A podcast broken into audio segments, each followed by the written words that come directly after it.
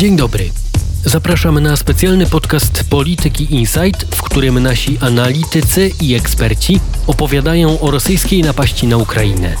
Przybliżają wojskową sytuację, a także mówią o międzynarodowych i polskich reakcjach na zbrojny konflikt. Zastanawiamy się również, jak wojna wpłynie na światowy układ sił i gospodarcze relacje. Nazywam się Karol Tokarczyk i zapraszam na dzisiejsze wydanie Stanu Wojny.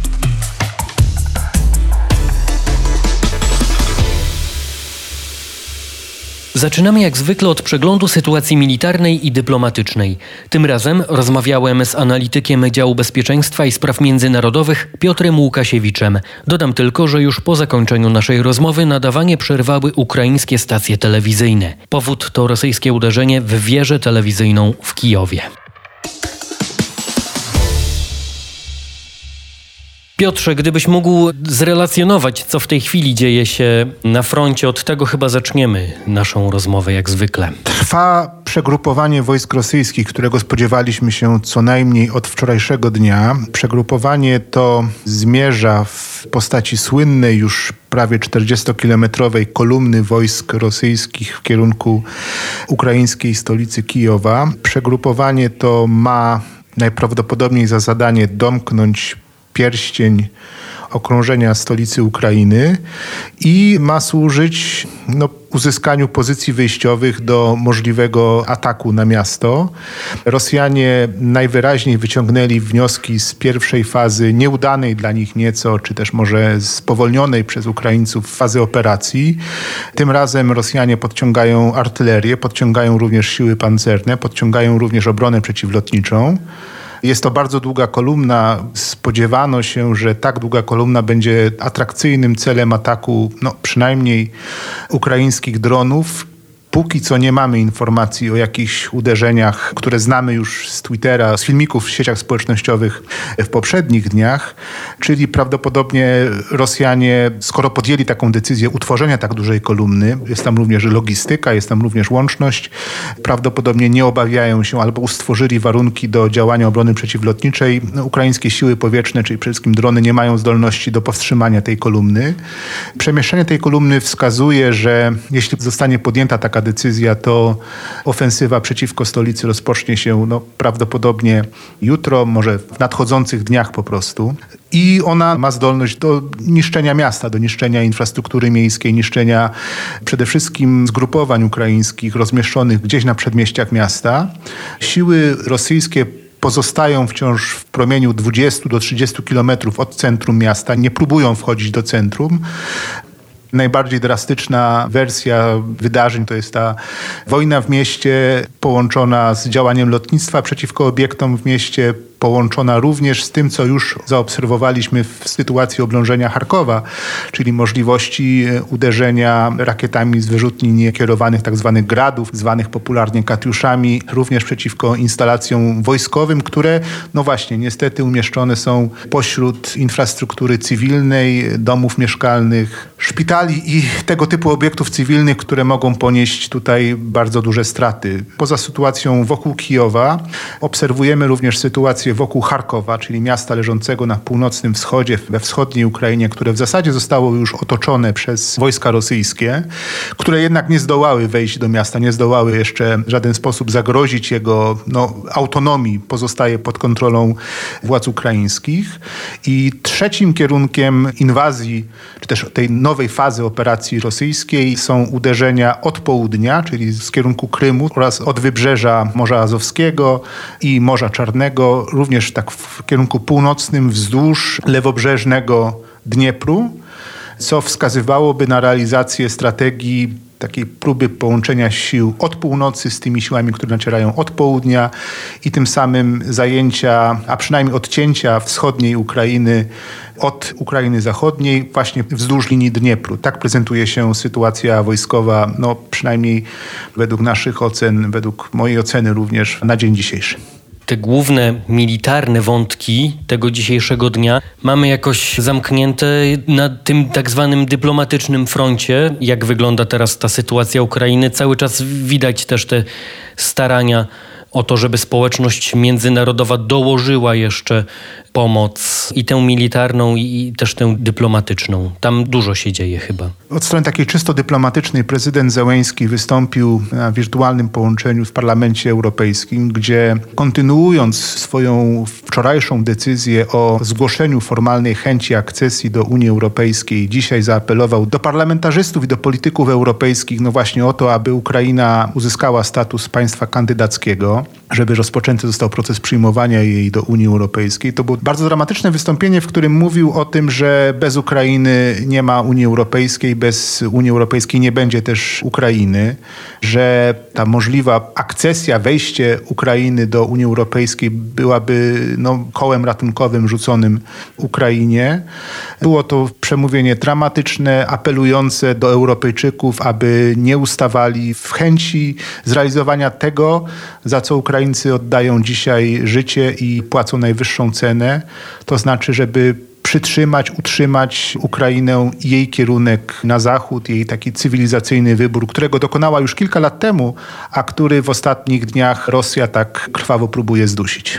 To już w takim razie na koniec. Trochę już mówiłeś o ludności cywilnej przed chwilą, mówiąc o tym, że Często właśnie wśród niej, właśnie wśród budynków mieszkalnych ulokowane bywają jakieś instalacje wojskowe, ale też trochę chciałbym zakończyć tę rozmowę tematem, na który będę rozmawiał już za chwilę. Mianowicie, jak ludność cywilna sobie radzi z tym konfliktem i jakie piętno on odciska na niej właśnie to, co widzimy na filmach, to, co widzimy z doniesień medialnych, przekazu dziennikarzy, coraz tłumniej obecnych w rejonach walk, wykazuje się niezwykłym hartem ducha.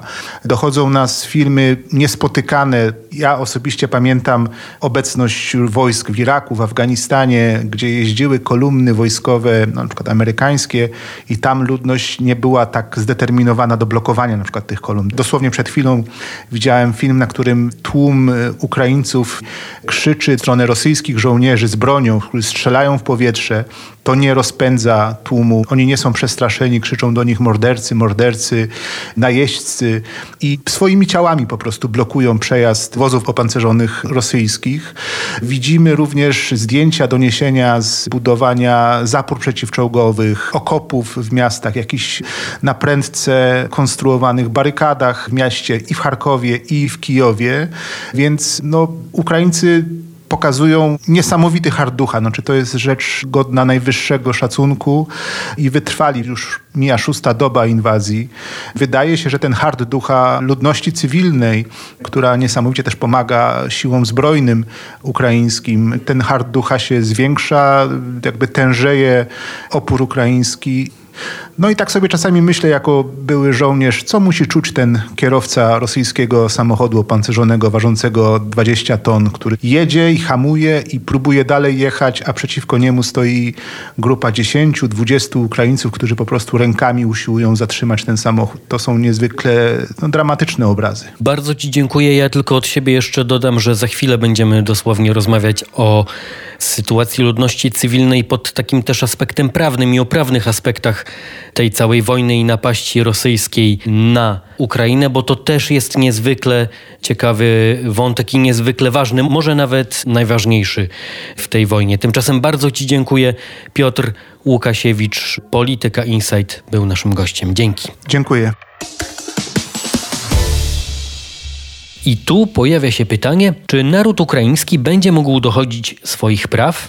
O to pytam panią profesor Agnieszkę Bieńczyk-Misalę z Wydziału Nauk Politycznych i Studiów Międzynarodowych Uniwersytetu Warszawskiego. Poprzednią rozmowę z Piotrem Łukasiewiczem zakończyłem pytaniem o sytuację ludności cywilnej, a to dlatego, że właściwie jeżeli robi coś złego pojedynczy człowiek, Znamy to z życia. Czasem ktoś się pobije, jeden drugiemu coś ukradnie. No to w miarę łatwo jest dojść do tego, co się stało, choć nie zawsze, generalizuję, i potem co się powinno wydarzyć, jaką karę ktoś powinien ponieść. Tymczasem w stosunkach międzynarodowych, w stosunkach między jednym a drugim państwem, to chyba nie jest takie proste, prawda? Zwłaszcza gdy trwa wojna to prawo milczy i też przepisy, które obowiązują w czasie konfliktu zbrojnego, jest to międzynarodowe prawo humanitarne, także prawa człowieka, ale zwłaszcza międzynarodowe prawo humanitarne, będę mówiła w skrócie MPH, jest dosyć zawiłe. I rzeczy, które wydają się oczywiste, na przykład zakaz zabijania cywilów, w świetle prawa międzynarodowego humanitarnego już nie jest takie oczywiste. Więc chętnie te rzeczy wyjaśnię. No właśnie, to ja bym w takim razie poprosił o to, bo mamy teraz bardzo ciekawą sytuację na terenie Ukrainy i pewnie każdy albo niemal każdy z nas widział mniej lub bardziej drastyczne zdjęcia, filmy. Ja o to też pewnie zapytam, jakie to ma znaczenie w kontekście dokumentowania potem tego, co się dzieje, ale co to prawo międzynarodowe mówi teraz o tym, co dzieje się na terytorium Ukrainy?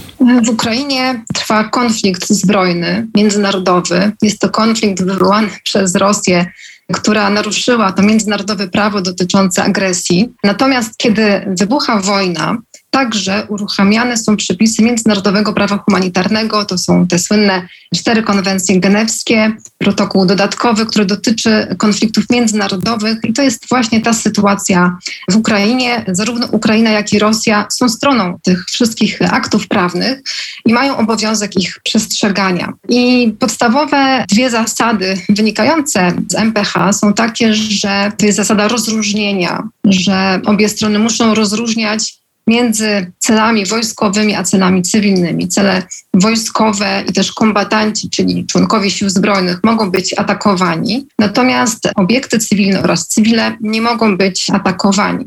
Cywile nie mogą być narażani na bezpośrednie ataki, Natomiast jeżeli atakowany jest cel wojskowy, ale przy okazji też giną cywile, czy ginie cywil, no to nie jest to już taki wprost naruszenie międzynarodowego prawa humanitarnego i dlatego właśnie powiedziałam na początku, że to prawo jest dosyć zawiłe i trudne do zastosowania i trudne do osądzenia sprawców. To jeszcze się zapytam o taki w sumie chyba przypadek z życia, bo dosłownie przed chwilą czytałem, że rosyjska rakieta uderzyła w wieżę telewizyjną w Kijowie. Kilka godzin wcześniej z kolei Federacja Rosyjska zapowiadała, że będzie atakować cele służące operacjom psychologicznym. Czy to jest takie właśnie zabezpieczenie się przed tym, gdyby ktoś miał zginąć? W ogóle z mediami też jest pewien kłopot interpretacyjny, prawda? Ponieważ no, media są cywilne, to jest cel cywilny, ale w sytuacji, gdy media są wykorzystywane do siania propagandy wojennej, gdy są wykorzystywane do nawoływania do przemocy, to z historii znamy takie przypadki, także z Belgradu, na przykład z roku 99, gdzie też budynek telewizji został zaatakowany i właśnie to był też powód naszej dyskusji. Ale w przypadku akurat Ukrainy, no Ukraina po prostu się broni, to samoobrona, więc nie nawołuje do przemocy niezgodnej z prawem i myślę, że na tą sytuację można inaczej patrzeć. Proszę powiedzieć, czy w świetle tego, co wiemy o wydarzeniach w Ukrainie i rosyjskiej agresji na ten kraj, czy państwo ukraińskie będzie mogło dochodzić w przyszłości swoich praw, a jeżeli tak, to w jaki sposób? Jest e, kilka ścieżek. Pierwsza ścieżka i moim zdaniem najważniejsza to jest ta ścieżka krajowa. To znaczy Ukraina powinna teraz dokumentować zbrodnie, robić zdjęcia, nagrywać, przeprowadzać wywiady, zatrzymywać sprawców i po prostu stawiać przed sądem. Ja właśnie przed chwilą miałam spotkanie z naszymi kolegami z Uniwersytetu w Lwowie i usłyszałam, że też tam jest dyskutowana koncepcja powołania jakiegoś hybrydowego trybunału. Oni są zainteresowani tym, żeby też właśnie międzynarodowi prawnicy brali udział w tych procesach w przyszłości dla pewnej transparencji tego procesu. E, więc jest zawsze ścieżka krajowa, ona powinna być wykorzystywana. Dzisiaj usłyszeliśmy, że Międzynarodowy Trybunał Karny zapowiedział wszczęcie postępowania, ponieważ Ukraina uznała jurysdykcję Trybunału dla zbrodni dokonywanych na terenie Ukrainy po lutym 2014 roku, ale to będzie wiele lat i niekoniecznie, niekoniecznie te procesy mogą się skutecznie kończyć. No i także chciałabym zwrócić uwagę na jurysdykcję uniwersalną, która jest stosowana w wielu państwach, aktualnie także w Polsce. To znaczy, że poszczególne kraje będą mogły próbować osądzać sprawców zbrodni w przyszłości, nawet jeżeli te zbrodnie nie były dokonywane przez ich obywateli, tudzież na ich terytorium.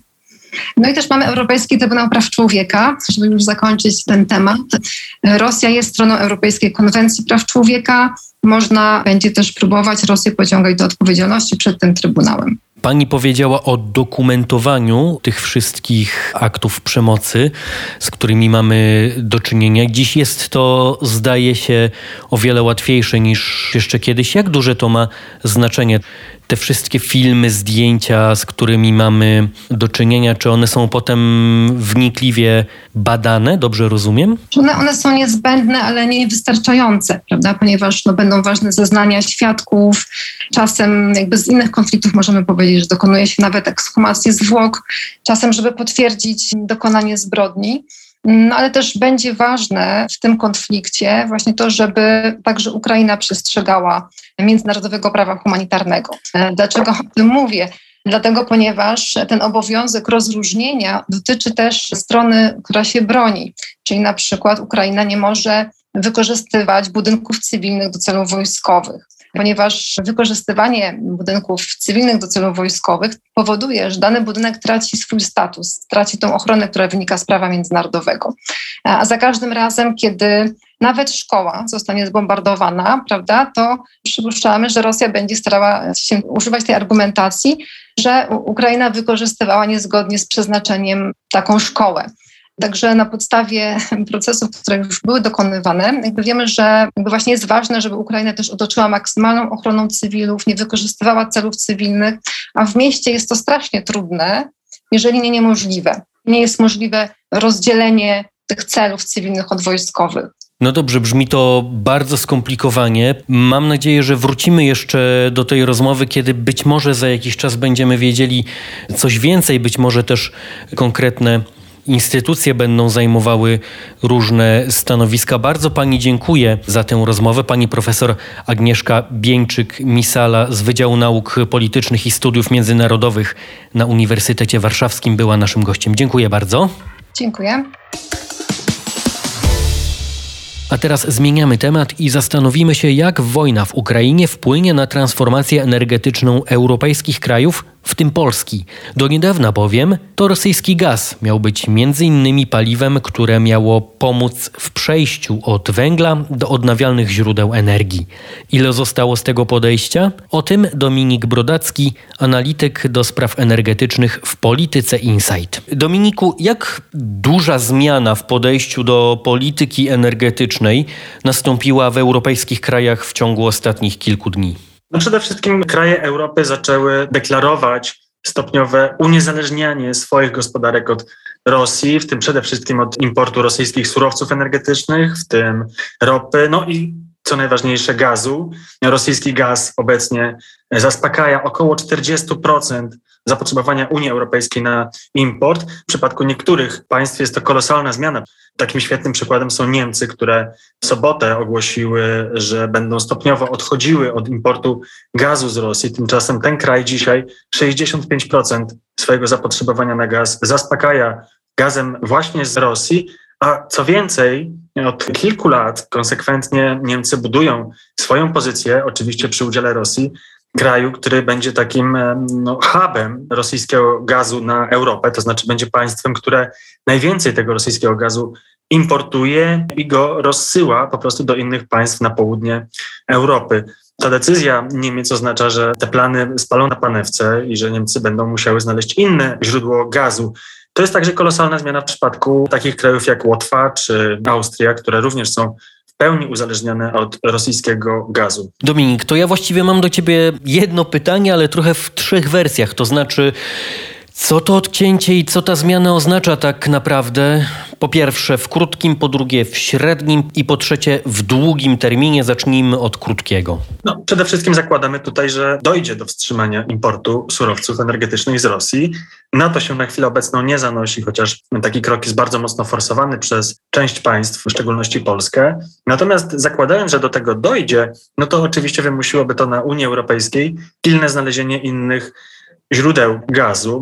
Tutaj na myśl przychodzi przede wszystkim zwiększenie przez Unię importu gazu skroplonego. Europejskie terminale są w stanie odbierać surowiec praktycznie z dowolnego miejsca na świecie. Natomiast perspektywa zastąpienia gazem LNG gazu z Rosji jest no, bardzo niepewna, głównie ze względu na przepustowość europejskich terminali, a także dostępność samego surowca na rynku. Na obecne te wojny gazowe w Europie, jeśli można to tak określić, nakłada się także rosnący popyt na gaz, na przykład w Azji, a co za tym idzie, na świecie bardzo ciężko dzisiaj jest znaleźć gaz, który w ramach takich dodatkowych dostaw mógłby trafić do Europy. No, jest także perspektywa zwiększenia importu gazu, na przykład z Norwegii, która już dzisiaj jest drugim największym dostawcą gazu do Europy, oczywiście po Rosji, przy czym rząd norweski no, sam deklaruje, że tamtejsze moce produkcyjne już pracują na 100% swoich możliwości. Pewną część surowca Europa mogłaby także odbierać z Afryki Północnej, choć i tutaj te moce przerobowe są mocno ograniczone. Zmierzam do tego, że w praktyce Europa krótkoterminowa mogłaby zerwać z gazem z Rosji, ale bez radykalnego ograniczenia własnego zużycia gazu nie będzie to możliwe. W średnim terminie, moim zdaniem, ta sytuacja na Ukrainie, wzrost niepewności geopolitycznej, a także takie poczucie spadku naszego bezpieczeństwa spowoduje, że kraje Europy większą uwagę będą przykuwały do własnego bezpieczeństwa energetycznego, co z kolei nieco na plan dalszy odsunie postulaty przyspieszenia transformacji energetycznej. To zaś stworzy przestrzeń dla części krajów, takich jak Polska, które postulują spowolnienie transformacji, zwiększy nośność postulatów, na przykład zawieszenia europejskiego systemu handlu uprawnieniami do emisji, czy też utrzymania przydziału darmowych uprawnień do emisji dla przemysłu, czy też na przykład zmusi część państw po prostu do zwiększenia produkcji prądu z węgla, no tak, żeby mogły zmniejszyć zużycie gazu. No w perspektywie średnioterminowej to przesunięcie będzie jeszcze większe, ponieważ no nie ma wątpliwości, że koniec końców tempo transformacji zostanie utrzymane. Spadek znaczenia gazu w Europie, który obecnie jest wręcz oczekiwany przez wiele państw, spowoduje, że kraje będą zmuszone przyspieszyć rozwój odnawialnych źródeł energii. Widać to już chociażby w polityce Niemiec. Wczoraj Reuters podał, że Berlin rozważa przesunięcie o pięć lat daty przejścia kraju w 100% na OZE. W myśl tych doniesień miałoby to nastąpić w 2035 roku. No, jeżeli za tym pójdą inne państwa, to oczywiście zwiększy to także presję na Polskę, żeby poluzowała na przykład wymogi dla lądowych farm wiatrowych. Mam tutaj na myśli tak zwaną zasadę 10H, ale także na przykład zwiększyła tempo i skalę inwestycji w odnawialne źródła energii. W końcu długofalowo wiele jaskółek na tym europejskim niebie zwiastuje, że może nas czekać pewien renesans energetyki jądrowej.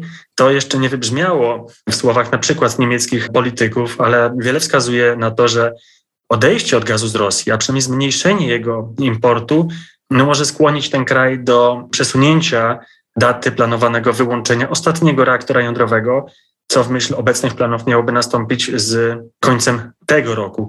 Dla Polski ma to kolosalne znaczenie, bo można się spodziewać już w najbliższych miesiącach znacznego przyspieszenia realizacji polskiego programu energetyki jądrowej, w tym wyboru dostawcy reaktorów do Polski. Mam tutaj na myśli forsowanych przez polskich polityków, oferentów ze Stanów Zjednoczonych. Bardzo Ci dziękuję, Dominiku, za tę dawkę cennej energetycznej wiedzy.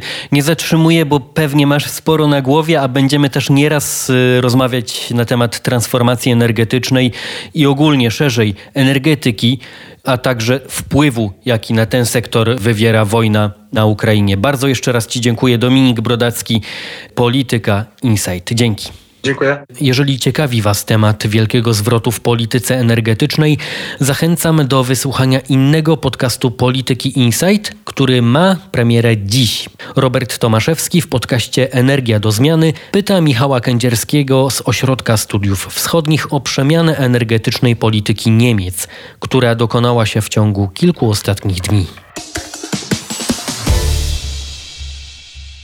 Wczoraj informowaliśmy o trudnej sytuacji na rynkach finansowych. Dziś sprawdzamy, jak wojna może wpłynąć na realną gospodarkę, w tym rynek pracy. Pomoże nam Hanna Cichy, szefowa działu gospodarczego w Polityce Insight. Jest sporo komunikatów giełdowych na temat tego, co te firmy, które prowadzą swoją działalność na wschodzie, szeroko pojętym, czyli w Ukrainie, w Rosji na przykład, one się dzielą właśnie na takie, które wskazują, że konflikt nie ma dużego wpływu, na takie, które mówią, że rozważamy, liczymy, szacujemy, jak to wygląda, i na takie, które mówią na przykład wycofujemy się.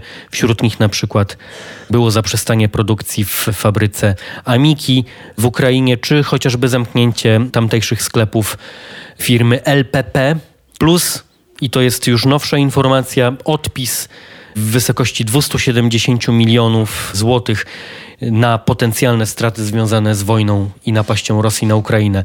W tym moim przydługim wstępie zacząłem od szczegółów, ale ciebie bym zapytał bardziej ogólnie, jak duży wpływ na polską gospodarkę i polskie firmy ma ta wojna w ogóle.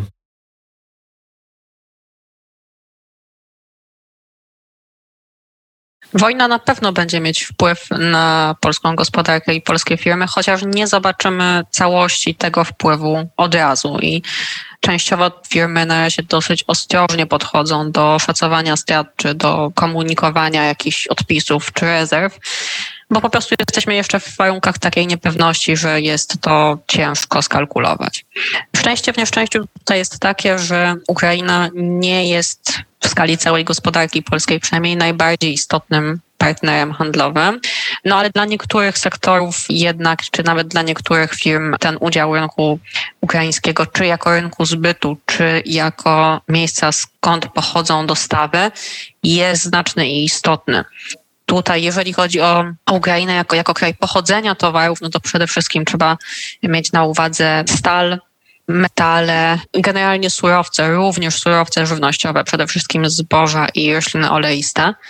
I to całą pewnością będzie wpływało na dalszy wzrost kosztów, tych kosztów, które już widzieliśmy w poprzednich miesiącach, z różnych innych przyczyn rosły, to one będą niestety rosły dalej, będą jeszcze większe problemy z opóźnieniami w dostawach. Przecież nawet gdyby ta wojna zakończyła się dziś czy jutro, to przecież widzieliśmy zdjęcia tych zerwanych mostów, zbombardowanych dróg. Pewnie zakłady produkcyjne też ucierpiały. To nie jest tak, że da się to wszystko jakoś sprawnie odtworzyć. No i z tych wpływów takich, które są odczuwalne już teraz, no to firmy, które są kontrahentami zarówno firm ukraińskich, jak i białoruskich czy rosyjskich muszą się liczyć z tym, że chwilowo nie zostaną uregulowane wobec nich jakieś zaległości. W Ukrainie jest zakaz wysyłania pieniędzy za granicę, co jest oczywiste i nie widziałam, żeby jakaś firma przesadnie na to narzekała, no ale to na pewno jest wyzwanie, jakoś tą lukę kapitałową trzeba uzupełnić. A kiedy wejdzie życie te sankcje, zawieszenie Rosji Białorusi, być może również w systemie SWIFT, no to będzie dużo ciężej uzyskać wynagrodzenie za produkty, za wysłane towary od nich. W stosunkowo niezłej sytuacji jest na razie sektor budowlany, bo te największe firmy nie miały otwartych projektów w tej chwili na wschodzie. Na przykład Unibep podał taką informację, projekty, które były zaczęte, były w fazie projektowania, więc po prostu z tych umów, to akurat dotyczy Białorusi, ta firma się wycofała po prostu no i pewnie są to jakieś oczywiście koszty, no bo pewnie zabiegali wcześniej o te kontrakty, trzeba teraz szukać nowych, ale jest to dużo mniejszy koszt niż gdyby tam jakieś prace zostały już wykonane i byłby problem z otrzymaniem za nie zapłaty. Jak y, ta sytuacja wpływa na rynek pracy? Wiadomo, że znikają pracownicy, pojawia się duża liczba kobiet z Ukrainy i teraz jak to wpłynie w ogóle na rynek pracy? No ten wpływ będzie niejednoznaczny, będzie zależał od sektora i oczywiście od tego, co się dalej wyda. Po pierwsze, wspomniałeś, że znikają pracownicy. Faktycznie jest tak, że między 30 a 40 tysięcy obywateli Ukrainy pracujących w Polsce wyjechało w ostatnich dniach bronić swojego kraju. No ale w skali całej tej diaspory ukraińskiej w Polsce te 30 tysięcy to nie jest bardzo duża liczba. Jednocześnie przyjechało do nas no pewnie już około 400 tysięcy osób, głównie kobiet, dzieci, osób starszych. Nie wiemy, jaki jest w tej liczbie odsetek osób, które są w stanie i będą chciały podejmować pracę w Polsce.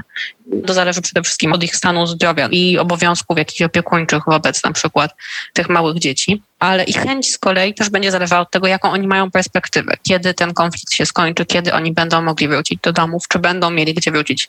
I znowu, nawet gdyby wojna zakończyła się dzisiaj, to pewnie część osób nie będzie bardzo chętna do powrotu, no bo może nie być tego domu, do którego mieliby wracać. Kraj będzie zrujnowany gospodarczo, podnoszenie się z tego będzie procesem bardzo czasochłonnym, nawet przy wsparciu Unii i instytucji międzynarodowych, więc pewnie część osób będzie chciała zostać i zajechać w Polsce, nawet jeżeli nie w perspektywie tego zostania na stałe. Więc teraz ważne jest to, że w związku z poborem i zakazem wyjazdu mężczyzn z Ukrainy, ci pracownicy nie będą przyjeżdżali.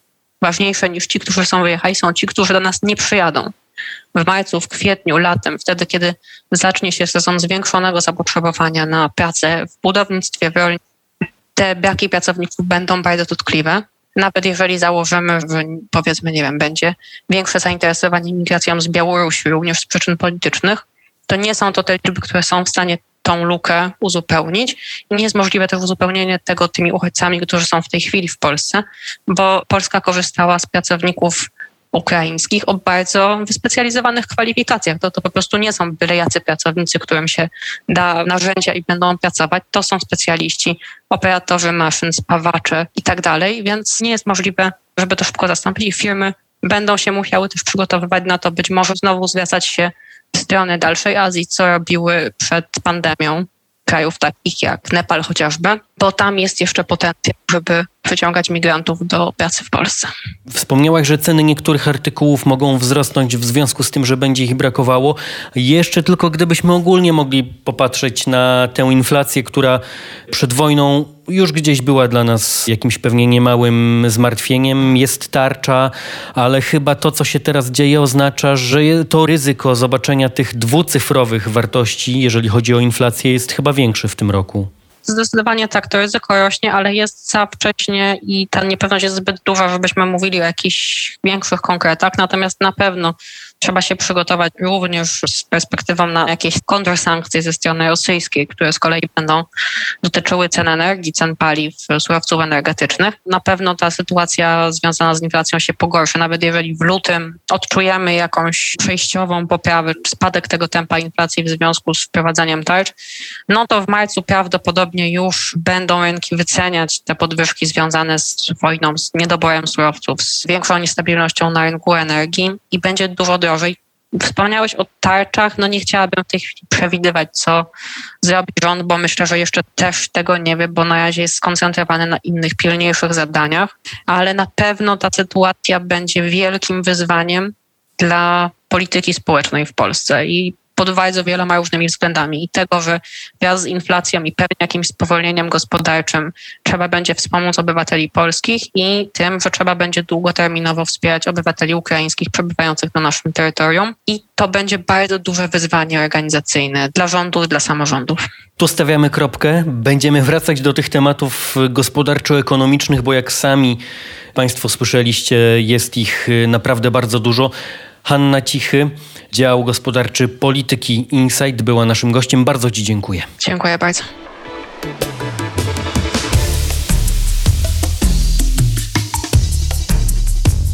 Na dziś to wszystko. Na kolejny odcinek zapraszam jutro. Posłuchajcie również innych audycji Polityki Insight, które znajdziecie w najważniejszych serwisach podcastowych i radiu Tok FM. Do usłyszenia.